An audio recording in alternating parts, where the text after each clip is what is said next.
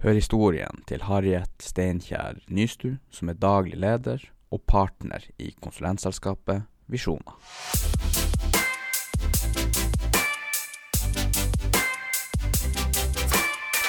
Velkommen hit. Takk. Du er vel ikke så ofte her i Alta, eller er du? Jeg var oftere før, før korona, men eh, etter at koronaen kom, så har det ikke blitt så ofte. Så det er vel strengt tatt bare tredje turen etter mars i fjor. Og det er ikke så mye. Nei. Før det så kunne det være ukentlig eller månedlig, i hvert fall. Ja, er du Du er ikke herfra, du er fra Reisa? Ja. Jeg er fra Reisa og har kontor i Nordreisa. Der har du bodd mesteparten av livet? Ja, med et unntak av 17 år i Trondheim. Eh, som student, og så begynte jeg å jobbe etter at ferdig med studiene, og så ble det noen år. Tenkte at uh, kanskje jeg kom til å bli der, men så hadde jeg jo litt lyst uh, nordover, da. Men hadde jo fått familie og barn, så var jeg litt spent på om det gikk an å få dem med seg nordover. Men så bydde det seg en mulighet, bl.a. i Notreiding, der jeg fikk meg jobb. Og så skulle vi ta et prøveprosjekt da, uh, i Nordreisa. Og hvis ikke det gikk med alle i familien, så Vi har ikke solgt hus i Trondheim, så da var det tanken at vi skulle flytte tilbake. Men nå har vi jo vært her, eller i Nordreisa, da, i, fra 2008, så det er jo 13 år. Ja, da funka det ganske bra, egentlig. Vi kan si det. Konklusjonen er at Nordreisa er bra. Ja. Nei, jeg bodde faktisk også i Trondheim, jeg flyttet dit ett år og gikk på skole der for elektroingeniør. Var det ett år, og så flytta tilbake, og det var en veldig fin plass å være på. Veldig, Absolutt. litt mye regn av og til, men Ja, men det husker du ikke så mye ut av. Nei, det, Trondheim er veldig fint, altså. Så skulle jeg ha bodd i by igjen, så hadde jeg nok eh, valgt Trondheim på nytt. Så det er en veldig fin by. Passe stor. Eh, Du kommer deg til de fleste plassene på et kvarter, halvtime i hvert fall. Eh, Marka ligger nært, byen ligger nært. Så det er fin størrelse på den byen. Den har jo vokst mye da, siden vi har flytta, men, men det er en fin by. ja, jeg husker vi hadde jo en leilighet der på Risvollan, og da var det et kvarter til med buss til skolen nede på, midt på sentrum, og så Ja, og du vi gå rett ut i naturen også. Og det midt ute i skogen plutselig. ikke sant. Så det var sånn best av alle verdener. Så Trondheim er ganske grønn, selv inne, inne i bysentrum, så trivdes veldig bra der, da. Så var jeg der som sagt i 17 år, fem, eller først fem år som student, og så jobba jeg der i tolv år etterpå. Men når du var student hva var det du eh, studerte? Gikk på gamle NTH, som heter NTNU nå, da. Eh, studerte til sivilingeniør for industriell økonomi og teknologiledelse. Så det var egentlig en sånn eh, kombinert utdanning med litt teknologi, litt økonomi og litt administrasjon. Så de kalte vel egentlig den linja for at vi ble sånn kvasi-ingeniører. Men, eh, men tittelen er sivilingeniør, selv om den er litt ja, tredelt, utdanninga, da. Så, ja. Nei, industriell økonomi, er ikke det et veldig vanskelig fag å ta på skolen, har jeg hørt? Det, det var jo da, når jeg starta, en eh, ny retning på gamle NTH. Um, og den linja har jo hatt veldig høye opptakskrav. Men eh, det er det nå på mange studier. Men om det er spesielt vanskelig Nei, altså utfordrende med den linja der er jo kanskje at du har flere fag i én utdanning. Så du skal beherske både det teknologiske, for vi har jo selv om vi kaller oss for kvasi-ingeniør, så har vi på en måte de fagene vi velger innenfor teknologi helt til topps. Så vi har jo dem like mange år som dem som velger en ren teknologiretning. Men vi har jo en litt smalere bakgrunn da, innenfor teknologi. Men det vi velger, tar vi på en måte helt til topps. Eh, og så skal jo beherske økonomien og litt prosjektledelse og administrative fag i tillegg, så det er kanskje den kombinasjonen som gjør det utfordrende, da. Men jeg syns jo at jeg fikk det beste av mange verdener, og har egentlig hatt godt, eller god nytte av alle de tre delene når jeg begynte å jobbe. Så vanskelig, det er vel relativt. Alt ettersom hva man liker å holde på med. Jeg tror ikke det er verre enn andre ting. Men hvor, er, industriell økonomi, det høres liksom litt farlig ut, nesten. Veldig stort ut. Er det liksom ok, dere regner på bedrifter som har 1000 ansatte eller mer, er det 4000, er det noen sånne her veiledninger? ja, det er jo økonomi for industrien, men om du regner med Altså, eh, altså Jo flere element du har i et regnskap eller i en økonomi, jo mer komplisert blir det selvfølgelig. Men om tallene er 10 millioner eller 1 million, så trenger ikke det å være så mye vanskeligere av den grunn. Men eh, ansvaret er jo selvfølgelig større når du holder på med store økonomier. Men eh, jeg vil ikke si at det er mer komplisert fordi du putter på en industriell foran. Fins det noen vanskeligere økonomiutdannelser enn det? Godt spørsmål. Nå har vel ikke jeg innsikt i alle økonomiutdanningene, men dem som går en vanlig sivil eh, økonomigrad, eh, det er jo på samme nivå, da. Og de har jo et bredere økonomifelt. Så det er jo en mer reindyrka økonomiutdanning enn det som du får eh, når du går industriell økonomi på, på eller ved NTNU. Så jeg tror at en siviløkonom vil si at de har en i hvert fall like vanskelig, eller kanskje, kanskje vanskeligere eh, økonomiutdanning enn det jeg har gått. Hva når du var, når du var ferdig der, da? Hva du, hva du gjorde videre? Hvordan jobb var det du starta i da? Da begynte jeg å jobbe i et eh, konsulentselskap i Trondheim, som den gangen het Kapp Gemini. Så vi var vel ca. 45 ansatte i Trondheim. Ca. Ja, 1000 i Norge. Det var et stort selskap. Den største i Oslo, selvfølgelig. Og så der jobba jeg i ganske mange år. Seks, sju, åtte år. Og i den tida da så kjøpte Kapp Gemini, som egentlig er et, eh, egentlig et dataselskap For jeg skrev diplomen min, da, altså masteroppgaven som det heter i dag, om kommersiell bruk av internett. Ah, Og det her er jo eh, på altså rundt 1990, og da var jo internett nytt. Så det at jeg hadde den masteroppgaven, gjorde at jeg fikk jobb i Capgemini. Eh, og så kjøpte Capgemini opp managementdelen til, Cap, nei, til um, Ernst Young. Sånn at den managementdelen til Ernst Young ble innlemma i Capgemini. Så da var vi plutselig 100 ansatte i Trondheim. Og flytta ned til Solsiden, der det var et nytt forretningsområde som ble bygd opp. Så der hadde vi da kontor. Så jobba jeg noen år der, og så begynte jeg i et lite konsulentselskap der vi bare var to ansatte, som het Prosessutvikling. Og vi var to til å begynne med, og så eh, ble vi 15 da, før jeg slutta der. Hadde også kontor på Solsiden i Trondheim. Det er noe av den beste sida. Trondheim. Ja, ikke sant. Det ble jo en veldig bra side. Det var et industriområde som da ble gjort om til eh, bolig og forretningsbygg. Så nå er det jo en av Trondheims mest attraktive områder. Men det var jo ikke det. Det var jo bare Det lå jo helt brakk i mange år. Det var før alle de her restaurantene begynte å komme inn. Ja, ja. Før alt, alt det der var bare inngjerda, og var ikke adgang, det var ikke adgang dit for vanlige folk. Så det var egentlig bare inngjerda som et gammelt industriområde. Eh, med mye rust. Ja, for det preger vel enda den plassen nå. De har vel sånne sånn kraner der og Ja, de har liksom bevart litt av det gamle særpreget. Men eh, nå, er det jo, nå er det jo helt eh, endra og bygd om til boliger og bedrifter. Hvor mye, hvor mye ansvar fikk du med en gang når du starta der? Var det sånn her, Ble du hevet alt på fanget med en gang, eller var det gradvis prosess, eller var det en eksponentiell eh, utvikling? Kurve. Ja, kurve. Nei, i Capgemini så var det jo mange ansatte, og når vi jobba på prosjekt der, så hadde vi jo med oss erfarne prosjektledere når vi kom inn som ny. Så der vil jeg nok si at det var en det var opplæring i det eh, å begynne i et så stort firma. Eh, men når vi da begynte i prosessutvikling, der bare vi var to, eh, der begynte vi å nyutdanne folk, da ble du mer kasta inn i prosjekt. Kanskje som prosjektleder allerede eh, tidlig i fasen, eller ja, tidlig i, eh, i den her arbeidsstigen, da.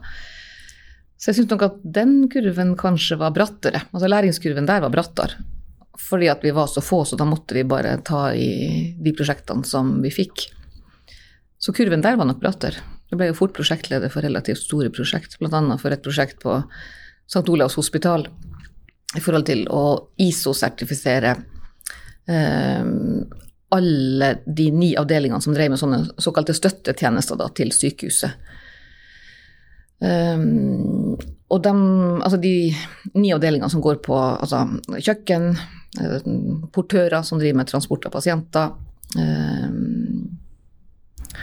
og um, ja, hvem flere? Allmennteknikk som driver av medisinsk-teknisk utstyr. Altså alle de støtteavdelingene de betjener jo da 9000 kunder på sykehuset. Mm. Så det er jo en eh, relativt eh, stor kundemasse, selv om den er intern. Så de, de ni avdelingene skulle da ISO-sertifisere seg. Eh, og så skulle det etableres et kundeservicesenter eh, der sykehuset da skulle ringe én kundetelefon, altså én servicetelefon.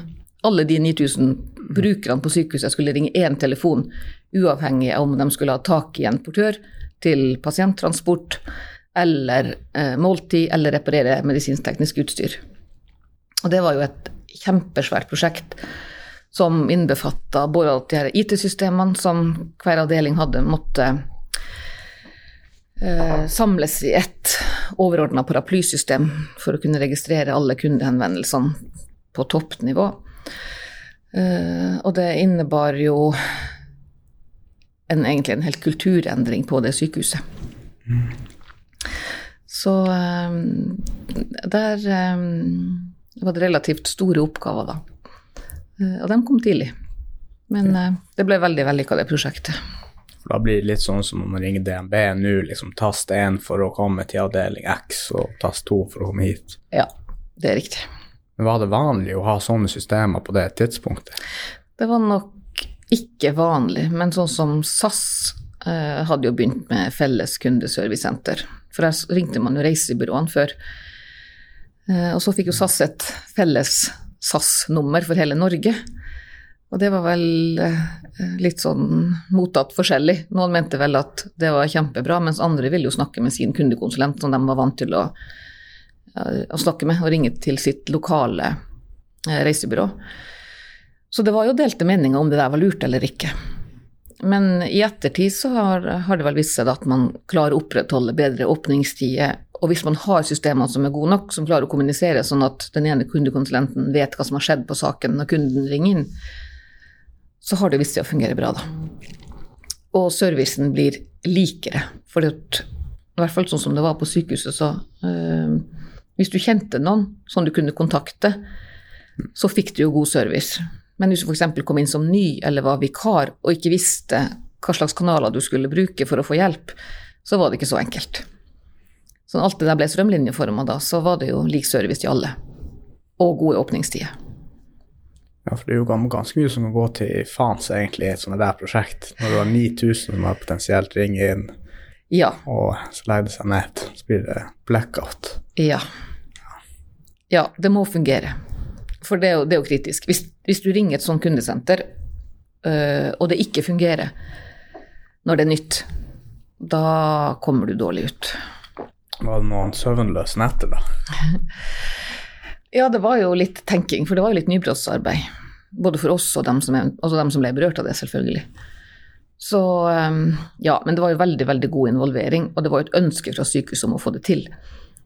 Så ehm, Nei, jeg tror ikke jeg hadde så mange søvnløse netter, men litt tankevirksomhet var det.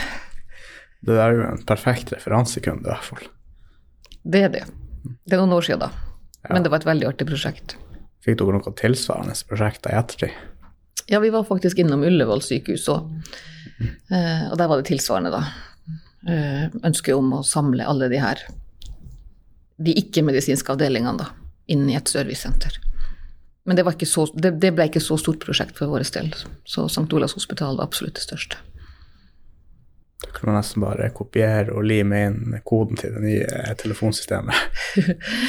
ja, det har nok skjedd mye på kundeservice-sida da, siden eh, det her var jo på 90-tallet. Eh, Men en del av de prinsippene som ble lagt til grunn der, kan nok sikkert gjenbrukes. Men jeg tror det har skjedd en del eh, siden den gang, bl.a. på systemsida. I forhold til å følge opp saker og få varsling på saker, og, og hvor eh, hvor lang svartid man må ha. Nå er vi jo ganske utålmodige, så vi vil jo ha svar helst med en gang. Så jeg tror nok du må kvalitets... Det har nok vært en kvalitetsheving på den sida de siste årene. Ja, Vi ser jo nå de her muligheter med sånne her eh, kundesystemer, sånne CRM-systemer, hvor enkelt det blir for de fleste. da. Ja. Men da koble opp de her kundesystemene med den som ringer inn, at man får opp på skjermen ok, nå ringer kunde X, og det her var liksom sist hendelse med kunde X. ja. Og det som har skjedd, er jo at vi er blitt mye mer selvbetjent. Altså det er mye mer selvbetjeningsløsninger i dag enn det var da. Mister man ikke litt den her menneskelige tilknytninga, da? Ja, det gjør man jo. Man gjør jo det. Ja. Så det er jo baksida. Men i forhold til effektivitet så er det jo eh, veldig bra. Du kan jo tenke deg sånn som det var på flyplassene før òg, der man eh, i starten ikke var vant til å sjekke inn sjøl, og syntes at det var kanskje en nedgradering av servicenivået.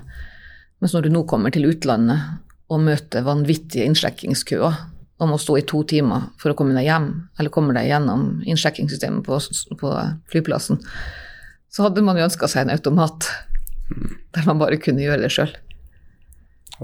Så man venner seg jo litt til. Det har redda meg mange ganger. Ikke sant? Sånn. Jo, når du kommer inn på sånne typisk charterflyplasser, da. Men jeg hørte tilbake før i tida, så sånn som jeg har skjønt, så hadde de her reisebyråene en sånn her printer. De kunne liksom printe ut de flybillettene fra flyplassen. At de hadde et sånt her system. At det var kanskje enda lenger før den tida. De printa ut billettene i lokalet med noe maskineri som var tilkobla flyplassene. Ja, for du måtte jo ha flybillett for å komme om bord på flyet før. Altså du måtte jo ha papirbillett i handa Ja. som du leverte fra deg når du gikk i innsjekkingsskranken, eller i, i gaten. Men det er noen år siden. ja det begynner å bli noen år siden. Det føles veldig gammeldags nå, da. Ja, men sånn er det. Tida går. Hadde du mista flybilletten din, så kom du jo ikke om bord på flyet. Det var helt umulig, da. Det var umulig. Alt, det, alt bokføres eh, analogt, og da er det vanskelig. Kontroll. Ja, det var liksom beviset. Det var den billetten. Når du var ferdig med de her jobbene, har ikke du, har ikke du gjort noe i den her Ernst Young også? Ja, det var, det var det som skjedde da med at Kapp Gemini, som jeg begynte å jobbe hos, egentlig min første jobb, kjøpte opp eh, Ernst, altså managementdelen i Ernst Young, altså de konsulentene som jobba med rådgivning. Eh, og da ble bedriftsnavnet Kapp Gemini Ernst Young. Ok, sånn, ja. Ja. ja. Så Kapp Gemini lånte egentlig navnet til Ernst Young i fem år. Um, for at det var et godt merkenavn. Så etter fem år så, så ble Ernst Young-navnet uh, sjalta ut, og så levde Kapp Gemini videre som Kapp Gemini en stund. Mens Ernst Young hadde jo sin revis, altså revisjonsdelen til Ernst Young, den levde jo videre med, som, en, som et eget selskap, da. Så det var bare rådgivningsdelen som ble kjøpt opp av Capgemini. Hvem er egentlig Ernst Young, for dem som ikke vet det? Ja, altså den, altså den hoveddelen til Ernst Young, det er vel revisjon. Så den delen kjenner ikke jeg heller så godt. Ehm, Så det var jo da rådgiverne til Ernst Young som drev med bedriftsrådgivning, som da kom over til Capgemini, som da var et rådgivningsselskap. Men de, ja. Men Ernst Young, nei altså Capgemini var jo da sterk på IT-rådgivning. IT-rådgivning. Mens Ernst Young, rådgiverne, var jo kanskje sterkere på generell forretningsutvikling. Så er ikke det litt sånn prestisjeselskap? Ja, det var det. Dem sammen med mange andre. Men Ernst Young har jo et godt merkenavn. Da blir det egentlig litt som at når eh, Circle K kjøpte seg inn i Statoil, og at de kunne bære Statoil-navnet i x antall år før de måtte gå over til sitt eget. Ja, det er jo tilsvarende. Ja, så de låner egentlig bare merkevaren. Ja, Eller leier, da. De må bare det er betale. leier. leie. Jeg vet ikke hva økonomien var der, men eh, det var sikkert et økonomisk oppgjør på bakrommet. Men nå når har du flyttet tilbake til, til nord, da. Nå har du jo jobba en lang stund her i, i Visjoner. 13 13 år, ja. Hvordan var det egentlig Hvordan, eh, Hvordan, hva det der prosjektet gikk ut på, som, eh, der du skulle bestemme deg for om dere kunne bli her eller ikke? Det prosjektet som skulle gå eller ikke? Altså det at vi skulle bli i Ja, hva, Nordreis og ikke dere- flytte tilbake. ja, var det ikke hvis det prosjektet gikk bra? Ja, hvis dere- familieprosjektet. Ja. Ja, ikke, nei, det var ikke jobbprosjekt. Ah. Nei, det var hvis familieprosjektet. Ikke gikk bra. Ja, skjønner. Eh, Så var beslutninga at vi skulle flytte tilbake. Altså hvis noen av oss ikke trivdes her, da. Ja. Mann eller fire barn. Så hvis noen av dem ikke trivdes, så hadde vi bestemt oss for at vi skulle flytte tilbake. Tok han sjefen sjøl, da? Eller var det en annen? Kurt? Ja, Knut? Kurt Kurt, ja. Johnsen. Han tok direktekontakt med deg? Nei, det begynte vel egentlig sånn at uh, jeg var jo litt nysgjerrig på hva som skjedde i Nordreisa i forhold til denne type jobb. Det er ikke så mange å velge mellom. Og så kom jeg over eh, navnet Not og Reiding på ei hjemmeside. Og så begynte jeg å lure på hva det selskapet da eh, drev på med. Og så fikk jeg sjekka opp det. Fant ut at det var jo veldig likt det som jeg jobba med i Trondheim. Så da ringte jeg. Eh, jeg tror ikke jeg snakka med han Kurt først, men jeg kom jo i kontakt med han ganske fort. Og så ble jeg invitert på et intervju i Alta. Så jeg reiste opp hit, var på intervju, og så fikk jeg jobb. På Storsletta. Var det noe der fra før? ja, det var én ansatt der. Ja. Så da ble jeg ansatt nummer to da, på Storslett i 2008. Og i 2009 da, så hadde han Kurt begynt å tenke tanken på at han hadde vært daglig leder i mange år og ønska å jobbe mer prosjektretta. Og da tok jeg over som daglig leder da, etter han Kurt i 2009. Men da hadde jeg jo kontor på Storslett da òg, så jeg har sittet der hele tida. Selv om de fleste kollegaene mine sitter jo i Alta. Ja. Hvorfor du- du starta da, da var dere to ansatte der ute. Hvor lenge har du sittet alene der? Ja, det var et godt spørsmål. Ehm, Det er mange år, faktisk. Sikkert sju, åtte, ni år at jeg har vært alene på Storslett. Ehm, Men nå har vi ansatt en til, så nå har vi på nytt to ansatte på Storsletta. Ja, var det fem en i alt, eh, sosiolog som hadde startet der? Ja. Stemmer. Jens Christian Nilsen.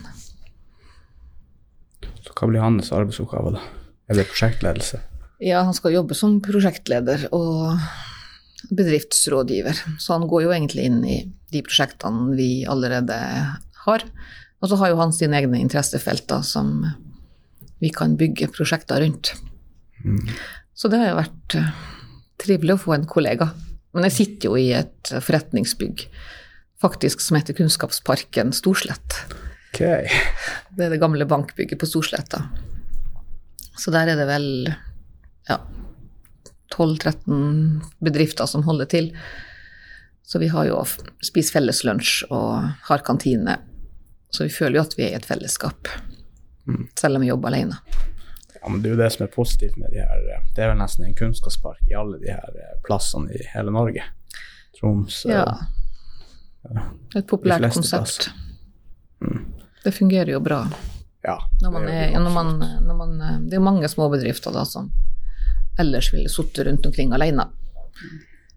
Så det er veldig kjekt at man kan samles. Ja. For da blir man jo sosialisert med sikkert likesinte og hjelper og motiverer og komme seg frem. Ja. Så har vi jo vært flinke til å bruke video- eller lydbildeutstyr i mange år mellom Storslett og Alta. Så um, det har jo vært Eller det, det fungerer jo bare bedre og bedre. Nå er jo det der blitt hverdagen. Så vi starter hver morgen med videomøte halv ni Ok, mellom Storslett og Alta, da. Og så koordinerer vi dagen. så det er mandag til fredag. Mandag til torsdag. Mandag til torsdag. Ja. Hver dag. Uten men det, er jo, det er jo veldig rutinert at dere har greid å få til det. Ja. Så um, ja, det fungerer egentlig utrolig bra. Når vi begynte, eller vi har jo holdt på med det her da, i mange, mange år. Så når vi begynte, så var jo verken lyd- eller bildekvaliteten like god som den er nå. Men nå er jo systemene blitt stabile, så det fungerer egentlig bra. Da blir det i hvert fall veldig tett oppfølging mellom alle prosjektene og egentlig alt som skjer. Det er jo målet, da. Ja, Og vi jobber jo på tvers på, eller på prosjekt, uavhengig av om du er på Storslett eller i Alta. ja ok, så alle liksom Du kan jobbe på et prosjekt med to kollegaer her, og Ja. vice versa. Ja. Det er sånn det fungerer. Vi setter jo sammen prosjektteamene etter kompetanse, da. Uh, så om du da sitter her eller der, det spiller liten rolle. Men, og nå er jo mange, mange flere kundemøter, eller de fleste kundemøtene er jo kommet over på Teams, så nå er den plasseringa enda mindre viktig. Før så var vi jo mer i fysiske møter, så da var det jo en Altså det var praktisk om de i Alta hadde prosjektledelse på prosjekt i Alta, og jeg på dem i Nord-Troms, men, eh, men nå er jo det heller ikke noe tema lenger. For nå er jo nesten alt digitalt. Ja, da var dere godt forberedt når denne koronakrisa Ja, vi følte at vi var på plass når koronaen kom med utstyr og vaner og kultur i forhold til å bruke de digitale mediene eh, til møter. Så eh, det var ikke noe Eller det var egentlig Altså, det var greit, vi var på plass når koronaen kom, så vi trengte ikke å gjøre noe mye internt for å håndtere det, da. Når vi ikke kunne reise. Det ble ikke noe tvangsdigitalisering. Nei, nei, det slapp vi. Men det som har vært praktisk, da, det er at alle andre, eller veldig, veldig, veldig mange, er blitt veldig, veldig flinke eh, og blitt vant til å bruke de her digitale mediene, eller Teams eller tilsvarende verktøy. Så det er jo mye lettere å kommunisere på den plattformen med kundene. Så det gjør jo hverdagen enklere. Så veldig mye mer effektivt, ikke sant. At du slipper å Ja, ta denne turen til Alta som tar et par timer, ikke sant. Og så får du heller ta et Teams-møte som tar fem minutter. Fem Ja. minutter. Men så er det jo igjen der, ikke sant. Det er jo også fint å få ned relasjonsbygginga når man er på. Det er jo igjen, Hvis det er eksisterende kunder, så er det mye lettere å ta til et Teams-møte enn nye kunder. Nye kunder bør man jo. Og så er det litt, Ja. egentlig. det er sant. Men eh, sånn som det er nå, da, så har vi jo fått erfaring med å møte nye kunder også på det her formatet. Og det går jo overraskende bra, tenker jeg. Folk er blitt mer naturlig på, det, på den plattformen. Um, så det virker som folk har ja, vent seg til.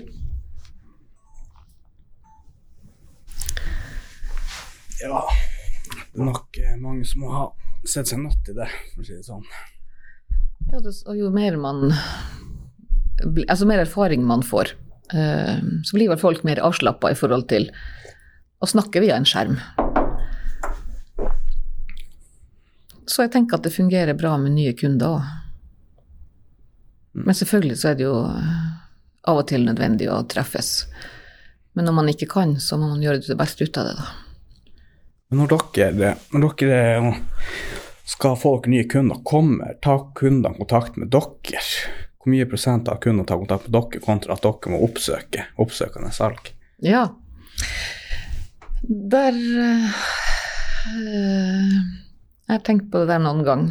Og hvis jeg skulle ha gjort et anslag, da, så tenker jeg at kanskje en tredjedel av kundene kommer øh, direkte til oss. På en tredjedel så leverer vi tilbud. Og den siste tredjedelen er kanskje offentlig anbud. Det er nesten altså tre ulike måter å komme inn på oppdrag på. Ja, Men vi har jo en stor kundedatabase. Mange av de kundene som vi har jobba for før, de, de tar jo kontakt direkte med oss når de har behov. ja. For da det, er det mye sånn her at de skal bare ha en At de ringer og skal ha en quick fix på en time, eller er det ofte veldig omfattende prosjekter de tar kontakt for å løse? Nei, det er veldig sjelden uh, så korte quick fix som en dag eller en time. Men prosjektene kan vel vare fra ja, eh, noen timer, da, ti timer, til uh, uh, flere hundre timer. Så det er vel egentlig hele spekteret der. Men det er sjelden vi løser prosjekt på en uke. Men det er noen prosjekt som kan gå så kortvarig, da. Ja. Hva er det mest spennende prosjektet du har vært med på i Visjoner? Oi. Det mest spennende prosjektet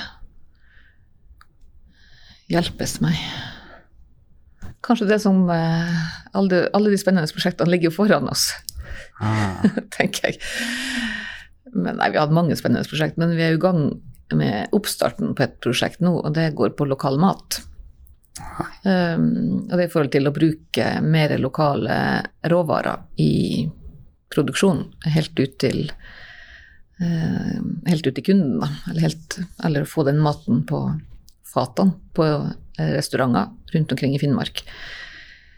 Um, det er et prosjekt som Sametinget har initiert, okay. som heter Få lokal lokalmat. Um, så det tror jeg blir et uh, veldig spennende prosjekt. Og det går både på å skape lønnsomhet for de bedriftene som er med, og så går det opp på merkevarebygging. I forhold til å uh, ja, markedsføre seg sjøl. Uh, Bl.a. med det her med at man bruker lokale råvarer, og fokuserer på det. Og hever kvaliteten på det du serverer, og lønnsomheten. For er det liksom vanlig nå at aktører bestiller råvarer fra andre plasser som er billigere, altså kanskje utlandet eller sørfra? Ja, de har ofte leverandører da, som de bruker, eh, som ikke nødvendigvis er lokal. Så det er jo et mål, da, få opp bruken av lokale råvarer. Eh, Bl.a. for å heve kvaliteten på den maten som serveres og lages. Og så har vi mange flotte lokale leverandører her men kanskje ikke distribusjonen av de matvarene eller de råvarene er, er så enkel. Kanskje altså dem som da trenger å kjøpe de her matvarene, ikke nødvendigvis vet hvordan man skal få tak i dem.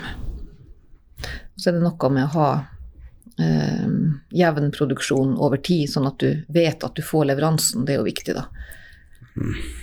At ikke du har tenkt å servere et stort gjestefølge, og så plutselig så får du ikke råvarer. Så det er jo noe med å få leveringssikkerheten på plass. Ja, for det er vel ikke Det er vel ikke bare bare å ha kontinuitet i leveransen, for det ser man jo i fiskenæringen, veldig i hvitfisk, da er det vel litt mer variabelt, men i laksenæringa er det vel ganske Ja, for det er jo sesongvariasjoner. Eh, hvis du f.eks. ser på eh, slakt, så foregår det ofte på høsten. Og så skal du jo da opp, altså ha plass til å oppbevare den råvaren, sånn at du også kan bruke den i mars. Så frysekapasitet er jo bl.a. løfta fram som en utfordring. Um, og hvis du da skal handle lokalt, så må du jo ha den frysekapasiteten lokalt òg. Ja, og det er vel ikke så billig heller å drive og fryse ned ting over lang tid? Nei, hvis du ikke har kapasitet på eget lager, eventuelt må leie plass eller eh, bygge lager, ehm, så driver selvfølgelig det prisen opp. Men det er mulig å se på samarbeidsmodeller her òg, da. At flere kan gå, kan gå sammen om å investere i eh, frysekapasitet. Så det er mange ulike problemstillinger der. Ja, den, men nå er jo den der næringa veldig hardt truffet med tanke på den ja. korona. Ja. Har det satt noe eh, stopp for prosjektet? Nei, altså noen er jo skeptisk til å begynne med utviklingsprosjekt når det er så lave besøkstall. Eh, men samtidig, de som da klarer å benytte denne perioden der det er litt stillstand, til nettopp å drive med utvikling, de kommer jo styrka ut i den andre enden. Eh, så jeg tenker at de som benytter muligheten nå, de har en, en sjanse til å løfte kvaliteten på egen virksomhet, og så være klar igjen når eh, det åpner opp. Men, men noen sliter jo. Eh, og hvis du sliter med å få endene til å møtes, så er det klart at da er det utfordrende å begynne å tenke på eh, prosjektarbeid i tillegg. Så det må man jo ha full forståelse for. Men det finnes jo ganske mange økonomiske ordninger for tida, da. Så hvis man, hvis man klarer å tenke utvikling um, og se på de mulighetene som ligger der, så, så um, kan det føre til noe bra òg, selv om koronautgangspunkt ikke er noe positivt. Ja, for er ikke det også et, et område dere leverer mye på sånne søknader til Innovasjon Norge og staten for bedrifter? Ja, vi har jo ganske mange jobber der vi hjelper til med finansieringa i startfasen på prosjekt. Eh, så det har vi jo mye erfaring med opp gjennom årene. Kjenner til ulike tilskuddsordninger eh, og ulike kilder eh, til finansiering. Så vi hjelper jo ofte kunden da i startfasen på hvordan man bygger prosjektet, og hvordan man kan søke finansiering for å komme i gang. Og det er jo, det er jo veldig mange som ønsker at næringslivet i Norge skal gå. Eh, derfor er det veldig mange som har nye tilskuddsordninger, eller som har kommet da etter koronaen, eh, som er koronarelatert. Um, så der kan vi absolutt uh, bistå kunder som har utviklingsprosjekt, og som har en, kanskje bare et behov eller en idé, og så vet de ikke helt hvordan man skal få det her til å bli et prosjekt som man faktisk kan søke midler til. Så der kan vi gå inn da og sammen med kunden se på behovene uh, og definere aktiviteter som de kan søke om midler til. Og det, ja det, det, Eller mange syns vel at det er en utfordrende fase i prosjektarbeid. Akkurat starten i forhold til hva skal prosjektet inneholde for å komme i mål dit man ønsker. Ja, sånn er det liksom usikkerhet hvor mye de må, må, gi, og hvor lang tid det vil ta? Ja, altså hvor lang tid tar aktiviteten, hvor lang tid tar det å gjøre det du ønsker, og ikke minst eh, hva må du gjøre for å nå det målet du ønsker deg. Altså hvis du ønsker å nå f.eks. en ny kundegruppe, eller drive med produktutvikling, hva skal til for å få produktet ut i et uh, nytt marked, f.eks.? Um, ehm, og da er jo ikke alle spørsmålene besvart når du begynner, så det er noen spørsmålstegn som henger der. Og det er ikke så lett å gripe tak i dem bestandig. For det er, en, det er en annen tanke. Altså, um, de fleste kjenner jo egen drift og vet hvordan man skal drifte det til daglig. Men hvis du da skal drive det utviklingsarbeidet, så må du på en måte tenke litt ut av den her vante boksen. Um, I forhold til nye måter å gjøre ting på. Uh, kanskje henvende seg til nye kundegrupper. Hva slags kanaler skal man bruke, osv. Mm. Og det Ja, noen syns at det der er kjempelett, mens andre trenger litt bistand i den fasen, da. Hvordan er det sånn visjoner Gjør dere noe sånn eh, Bruker dere å sette av tid til utvikling av selve visjonen? Av visjoner? Ja. ja, det prøver vi jo hele tida. Ja. ja.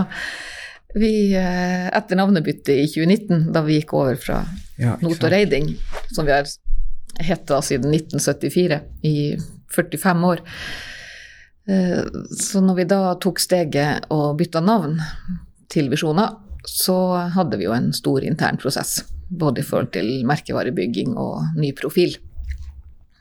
Og vi, vi, vi har vel eh, kontinuerlige prosesser på å utvikle oss sjøl. Følge med på nye behov, eh, nye tjenester som kundene er interessert i. Hva er det som rører seg ute i næringslivet? Så ja, vi har, vår, vi har våre interne strategiprosesser, og i de her daglige møtene vi har, så snakker vi om både prosjekt, men også hvordan vi skal utvikle oss i tråd med de prosjektene. Og behovene hos kundene. For Er det litt sånn røkk og napp, eller har dere ok, nå bruker vi fem timer hver mandag på arbeidet? Eller er det sånn når du ser muligheten, og her kan vi kanskje forbedre noe, så bruker du litt tid på det der og da, eller har dere avsatt tid for et utviklingsarbeid, f.eks.? Nei, noen ganger kjører vi prosjekt. Uh, sånn som f.eks. Eh, vi har blitt miljøfyrtårnsertifisert. Ja, ikke sant. I 2020, uh, eh, juni 2020. Og da var det mer prosjektrelatert. At vi satte av et prosjekt, og målet var jo da miljøsertifisering. Så da blir det konkretisert, og da blir det jo satt av tid. Mm. men den daglige utviklinga, den foregår nå litt mer ettersom hvordan behovet er. Så vi gjør vel egentlig begge deler. Så hvis det er større ting, så setter vi ned prosjekt eh, Vi har f.eks. et internt prosjekt nå som går på arkivsystem. Ah. Så vi også skal over i den berømte skyen. Ah. Det er målet. Og det har jo vokst fram pga. at vi bruker mer hjemmekontor. Eh, så har vi behov for å ha tilgang til det arkivet, også utafor kontoret. Og da ser vi jo at skyløsninger kan løse det problemet, da. Så da blir det mer et sånn konkret eh, jobbing at det er målet. Um, men i tillegg så er det jo sånne småforbedringer som vi jobber med hele tida. Er det denne OneDrive det går i, eller Dropbox? Ja, hele pakken. Ja, ja. OneDrive og Dropbox og SharePoint og ah, ja, Teams. Og det henger jo litt sammen. Ja, absolutt. Men denne miljøtårnsertifiseringa, var det en omfattende prosess? Miljøfyrtårn. Ja. Um, hva skal jeg si eh, Nei, altså Det er jo en jobb som må gjøres. Eh, men eh, omfattende er jo relativt, da. Nå er jo vi en kontorbedrift. Mm. Sånn at det er jo en enklere vei for oss til en miljøfyrtårnsertifisering enn om du f.eks. driver med produksjon. Ja, ikke sant. Altså industri. Ja, for dere er jo bare Ja, for jeg tenker liksom en snekkerbedrift som har masse varer og et varelager og mye sånn avfall også. Ja. Så blir det veldig enda mer komplisert. Ja, så det kompliserer jo bildet da, hvis du har ja, driver f.eks. med farlig avfall eller uh, utslipp. Eh, så sånn sett så er det jo ikke en så komplisert prosess for oss. Men man skal jo ha kontroll da på både det her med Altså avfall eh, er jo en kjent sak, men også hvordan man ellers påvirker miljøet i forhold til uh, CO2, altså reiser, og innkjøp, ikke minst. Så det ligger jo et krav der om at man skal handle eller bruke leverandører da, som også er miljøsertifisert. Og det er jo en årlig sertifisering, sånn at målet er jo da at man skal bli flinkere fra år til år. Så hvis man begynner med et visst sett med leverandører som er miljøsertifisert, så skal man da til neste år eh, få flere leverandører som da er miljøsertifisert. Så det er jo en oppdragelse fra oss til våre leverandører om at de igjen skal sertifisere seg. Ja, så dere må bli liksom som en ambassadør for Ja, vi må, bli, vi må bli flinkere å handle hos miljøsertifiserte leverandører. Og det er klart at da kan vi øve et trykk mot dem. Sånn som vi får et trykk fra våre kunder. Um, der noen til dels krever, altså I noen prosjekt så krever man jo at du skal ha en sertifisering f.eks. på miljø. Um, og det vil jo kanskje flere bedrifter oppleve. At egne leverandører setter krav til sertifisering på miljø. For det, det er jo et stort fokus for tida. Ja, for dere må velge bedrifter som er miljøfyrtårnsertifisert. Hvis dere er eh, eksempel hvis dere får inn en eh, Dere skal kjøpe en tjeneste av en kunde, og dere får to kunder til å skrive tilbud, og hvis den ene er miljøtårnsertifisert, så må dere da gå for dem? Det er det et krav Nei, nei, vi må ikke. Men det er jo ønskelig at man handler hos andre kunder da, som er miljøsertifisert. Så f.eks. når vi skal kjøpe kontorrekvisitter, så gjør vi nå en sjekk på om de har miljøsertifisering eller ikke. For der er det et valg. Men noen ganger så har du ikke et valg. Uh, og da Det er ikke et krav. Ok. Nei. Altså det er egentlig bare en oppfordring, rett og slett? Det er en oppfordring, og ønsket er jo at Altså målet er at man skal handle mer og mer eh, fra miljøsertifiserte bedrifter etter hvert.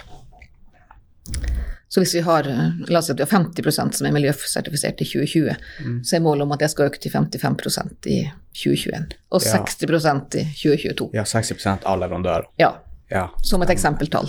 ja. Så man skal vise forbedring Ah. fra år til år. Ja, for dere, har ikke dere begynt med litt sånn der sjøl, å sertifisere bedrifter? Ja, så nå har vi to miljøfyrtårnkonsulenter som kan bistå andre eh, fram til miljøsertifisering. Så det er et av satsingsområdene våre.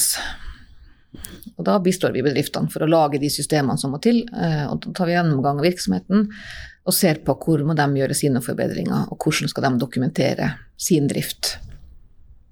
Og målet er jo da at eh, miljøet skal spares. Har dere hatt mange sånne sertifiseringer til nå? Vi har vel et uh, mellom 10 og 15 bedrifter som vi jobber med. Hvorfor var det ikke dere som miljøtårn sertifiserte den Locktech en gang i tida? Det lå det her bedrifter som ble kjøpt opp av termoglass. Eh, ja, Eller var det kanskje Orinor? Nei, usikker. Syns jeg leser om at i avisa en gang. ja, litt usikker. Ja. Uh... Nei, men for vi, vi har jo egentlig også starta en sånn prosess med miljøtårnsertifisering. Eller ja, det heter miljøfyrtårn. miljøfyrtårn. Ja. Vi har jo fått med Orinor, skal vi starte opp i neste uke med en sånn oppstartsmøte. Da skal vi også gjøre, gjøre det. Så får vi, som har skjønt, så kommer ordføreren og leverer over denne eh, plakaten. Man kan be om besøk fra ordføreren, ja. Ja. Det er fancy greier. Så det er jo bra. Det sier jo at kommunen også verdsetter at eh, bedriftene blir miljøfyrtårnsertifisert. Mm, Det er jo en bra oppfordring. Absolutt. Det er veldig bra. Så jo flere, jo bedre. Men hvor eh, Så da, da blir det liksom Er det bare den miljøfyrtårnen dere satser på da i miljø og nei, grønn tankegang? Nei. Eh, altså miljøfyrtårn er jo en eh, relativt enkel sertifisering eh, som er veldig bra for små bedrifter. Eh, I tillegg så jobber vi jo da med ISO, altså ISO 14001, som er miljøsertifisering. Og det er jo en internasjonal standard. Og ISO 9001, eh, som også er en internasjonal standard, som på en måte er litt mer krevende å sertifisere seg for. Men innen ISO 14001, som er, går på miljø, så er det jo på en måte samme temaen. Så hvis du har fått miljøfyrtårn, så er ikke terskelen så stor til ISO 14001. Ok, så det kommer godt med. Men det er to forskjellige ordninger, da. Og miljøfyrtårn er jo kanskje mer kjent i Norge, mens ISO 14001 er jo en internasjonal standard som eh, brukes i hele verden. Men målet er jo det samme, og det er jo å levere eh, bedre for miljøet.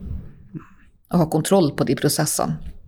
Jo det som er Altså ISO er veldig prosessfokusert, så de ønsker at man skal ha kontroll på prosessene sine, sånn at man leverer bra kvalitet, og ikke forurense miljø, eller belaster miljøet da, mer enn man nødvendigvis trenger. Men der er jo samme tanken, da. Altså det her med kontinuerlig forbedring. Altså du lager deg en status og et ståsted og blir sertifisert på det nivået. Og så er jo da målet at man skal bli bedre og bedre for hver sertifisering, for hvert år. Og det er tanken i ISO 14001 nå. Kontinuerlig forbedring. Ja, så miljøfyrtårn er egentlig bare en ISO light-versjon. Ja, eh, det, det er jo to forskjellige sertifiseringer, da. Men det Ja. sertifiserer på en måte Det er jo samme tema, samme fokusområde. Og noen velger fyrtårn, miljøfyrtårn, og noen velger ISO 14001. Har du internasjonale kunder, f.eks., så velger jo de fleste ISO 14001. Fordi at det er en mer kjent standard internasjonalt. Ja, for at da miljøfyrtårn er egentlig ikke eh, sånn anerkjent i andre land enn egentlig Norge, da.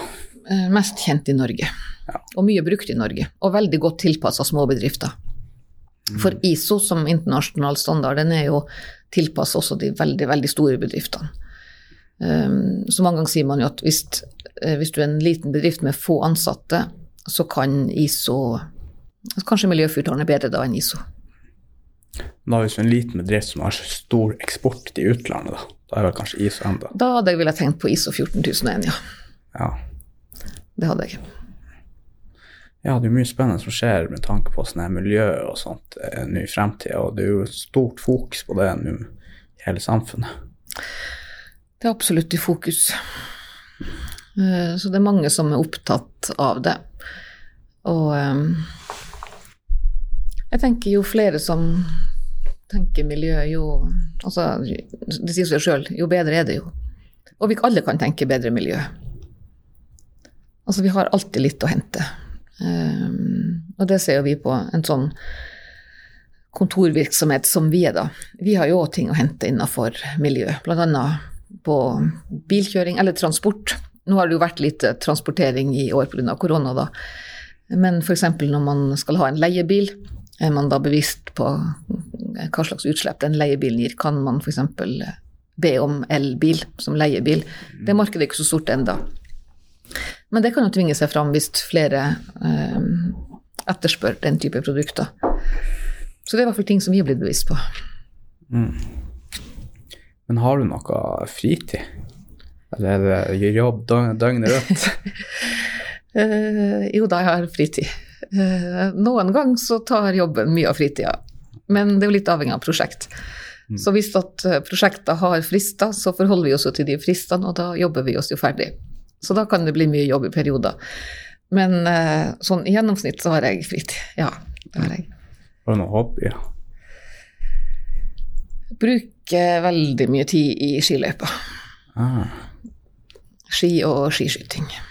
Og sommeren så er det en del orientering. treffer du bra da på de her eh, blinkene? Jeg skyter ikke så mye sjøl. Ja. Men jeg har, uh, jeg har fire barn som har- driver og har drevet med skiskyting. To av dem har begynt å studere og har lagt eh, geværet på hylla, men eh, to holder fortsatt på. Så vi er ganske involvert i det miljøet. Så skyter jeg litt sjøl, men det er kun på klubbmesterskap. Ok. En gang i året. Ja, ja. Men det går an å treffe blinkene. Men greier du, er det mye trening? Da må man ikke være Det veldig sånn du må hele tida trene på det for å ha den sikten inne i Altså, skiskyting er komplisert. Eh, Det ser enkelt ut når de ligger og skyter på TV-en, men det er Jeg syns ganske ikke det ser ekkelt Det så. Nei, det, det, er, det er jo en relativt krevende idrett, fordi at eh, du kommer inn med høy puls Ja, og skal skyte. Eh, Så det er jo det som er utfordringa. Du må jo få kontroll på den pulsen. Så det Altså, skiskyting er en ganske krevende idrett fordi at det er mye pusteteknikk, kontroll på avtrekket, og så skal det der stemme, da. Det høres Stressende ut. Så det, det er dem som er flinke, de har jo selvfølgelig øvd en del. Og det er veldig, veldig mye terping. Veldig mye terping. På detaljer. Um, og det å gjøre ting likt hver eneste gang. Det er egentlig det øvelsen går i. Gjøre ting likt hver eneste gang. Finne den Finne, ja, finne en god standard. Da er det repetisjon som gjelder. Ja, det er repetisjon. At, de driver jo Altså de som Selvfølgelig skyter de mye på skytebane ute, men det er veldig mye såkalt tørrtrening, der man trener med geværet inne. Og står og holder geværet, eller ligger i liggestilling og reiser seg opp, legger seg ned, reiser seg opp, legger seg ned. mm. Og så kjøre avtrekk på, på skuddet, da.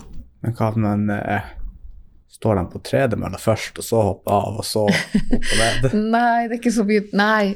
Ja, noen gjør sikkert det òg. Men eh, du står mest i ro på ei matte. Ja. Var du med og arrangerte det her Tour de Reisa? Ja. Tour de Reisa har jo vært et eh, det, Eller det er jo et årlig arrangement som er i Nordreisa, da. Det er langrenn Mm. i desember. Egentlig sesongåpninga på langrennssesongen i Troms. Eh, Men i år ble det jo dessverre avlyst. På grunn av at eh, vi ikke hadde snø. Å ja, så det var ikke pga. korona? Nei, det var ikke korona. Da var det snø. Og siden har det blitt korona. Ah, Så vi har fått alt på en sesong. sånn. Det var jo ikke snø før uh, i februar. Ja. Det var jo en helt sær vinter. Eller forvinter. ja, i fjor var det betraktelig mye mer snø. Men da var det nesten litt for mye. Da starta vi skisesongen i oktober. Ok. Og i år, ja da, vi fikk gått på ski, men uh, da var det samme i hele regionen at det var veldig lite snø. Så de som hadde snøkanoner, de gikk jo for fullt. Mm. Og uh, det ble noen mil på dårlig skiføre. Litt isete og mye kvist og kvast. Men er man interessert nok, så går man jo. Ja.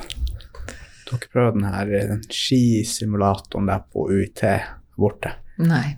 Så en gang der inne de hadde en sånn pustemaskin, og så kunne han akkurat som et stort sånn her eh, transportbarn som bare gikk rundt, Ja. stående og liksom med sånn her uh, rulleski, nesten. Ja, rulleskimølle. Ja, du bruker ikke noe sånn rulleski på sommeren. Jo da. Gjør det? Men det ser jo livsfarlig ut. Du tar en bakke på de der. Har du noe kontroll på dem, eller er det noe brems? Det er jo ikke brems på rulleski. Nei, Men det høres farlig ut. Hæ? Det høres farlig ut, da. Ja, du, du, du setter jo ikke utfor de verste bakkene på den første turen. Det er jo som å hoppe. Altså, du må jo gjøre gradene på rulleski. Men de som går mye på rulleski, de har jo en de har god balanse og god kontroll på skiene. Så det, jo, det skjer jo noen ulykker med rulleski, men det går jo utrolig bra eh, som oftest. For det er jo, det er jo en del rulleskigåere. Det blir flere og flere. Mosjonister også som går på rulleski om sommeren. Men um, det fins jo veier som er mer eller mindre egna for rulleski, da. Og hvis du ikke føler deg så trygg på rulleskiene, så bør du ikke sette ut for de verste bakkene. Men uh, det går an å ploge litt. Men det er ikke Ja, som å ploge på ski. Sånn. Ja. Ja. ja, det blir litt sånn uh, rulleploge. Å ja. Så du skråstiller skiene, og så klarer du å bremse farta, men du kan ikke ploge sånn på ski, for da sklir du jo. Det gjør ja du ikke på hjul. Så du tar liksom bare litt og litt? Ja, du, du, du går jo sånn Eller ruller sånn stakkato litt på skrå, da. Ja. Så det er ikke så enkelt å bremse. Altså Hvis du får veldig god fart på rulleski, så er det ikke så lett å bremse. Nei. Hva, hva, er, hva du må gjøre hvis du får for mye fart? Er det bare å Håpe på det beste. håpe på det beste? Ja. Ja, nei, du må satse på at, at du kjenner veien. At det ikke er noe uforutsett som eh, kommer nederst i bratte bakker. F.eks. asfalt som er fjerna, eller at eh, det er fortauskanter eller lignende. Da. Men noen hopper jo over. Altså De som er kjempeflinke, de hopper jo over, men det er jo litt begrensa hvor langt de kan hoppe. Det Så det- sånn Det bør ikke være pukk nederst i en bratt bakke, for å si det sånn.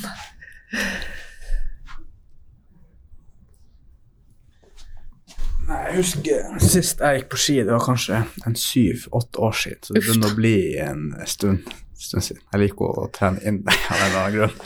Jeg syns når man, når man går på ski på vinteren, så vet man blir så eh, Det er som man blir forkjølt lettere, da.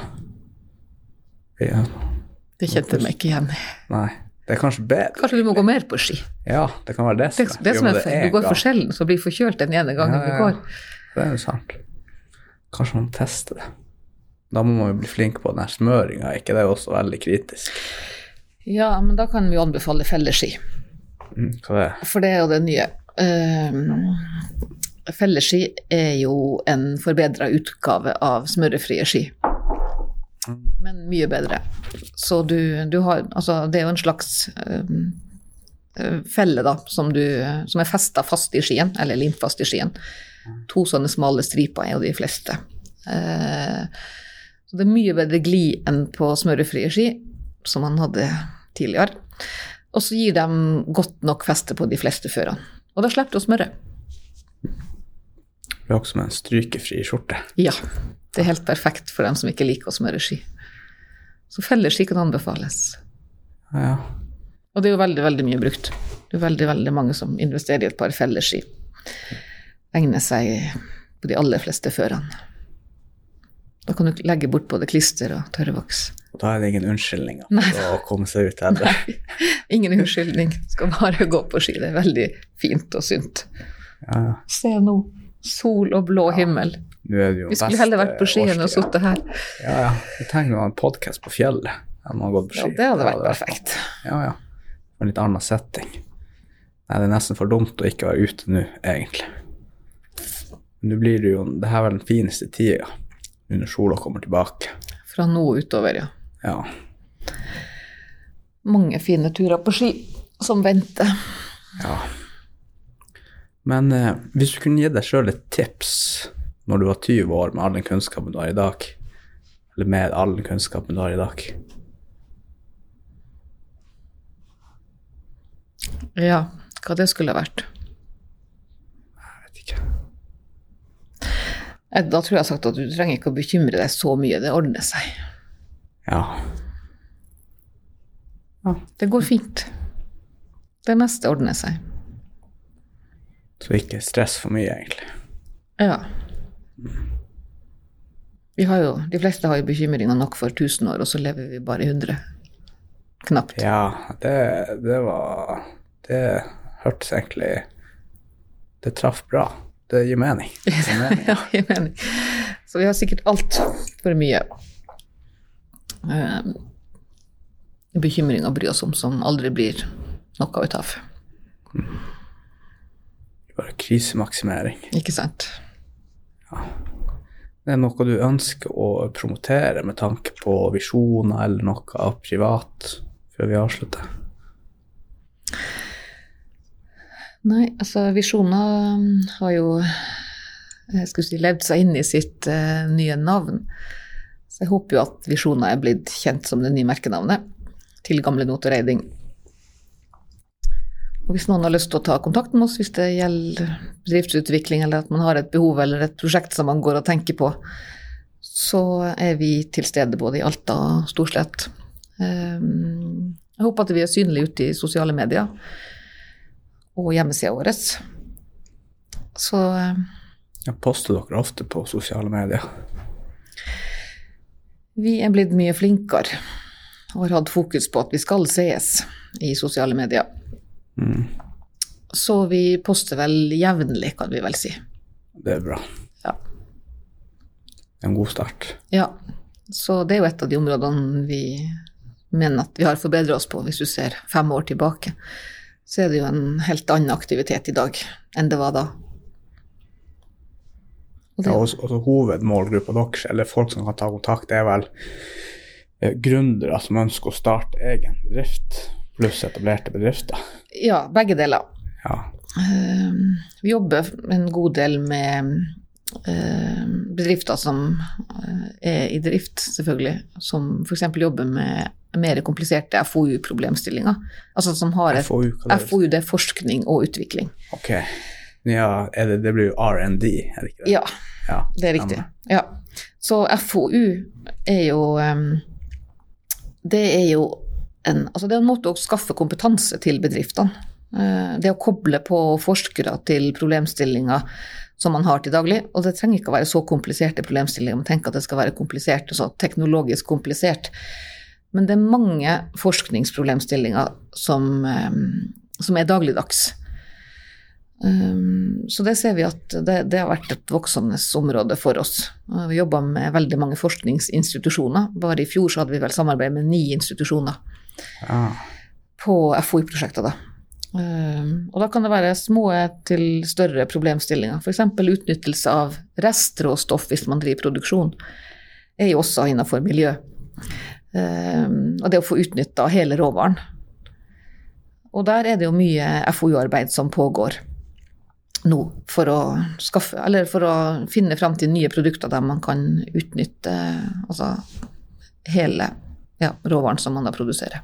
Ja, og et eksempel på det, det er liksom eksempel eh, innholdene til en fisk etter den blir sløyd.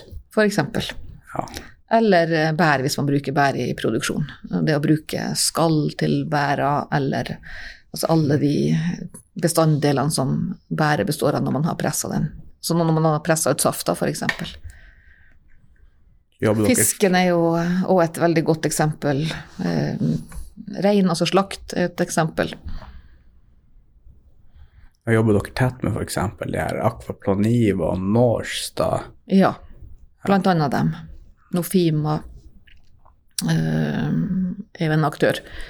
Så det er jo mange som driver med forskningsrelaterte problemstillinger. Universitetene har jo forskere.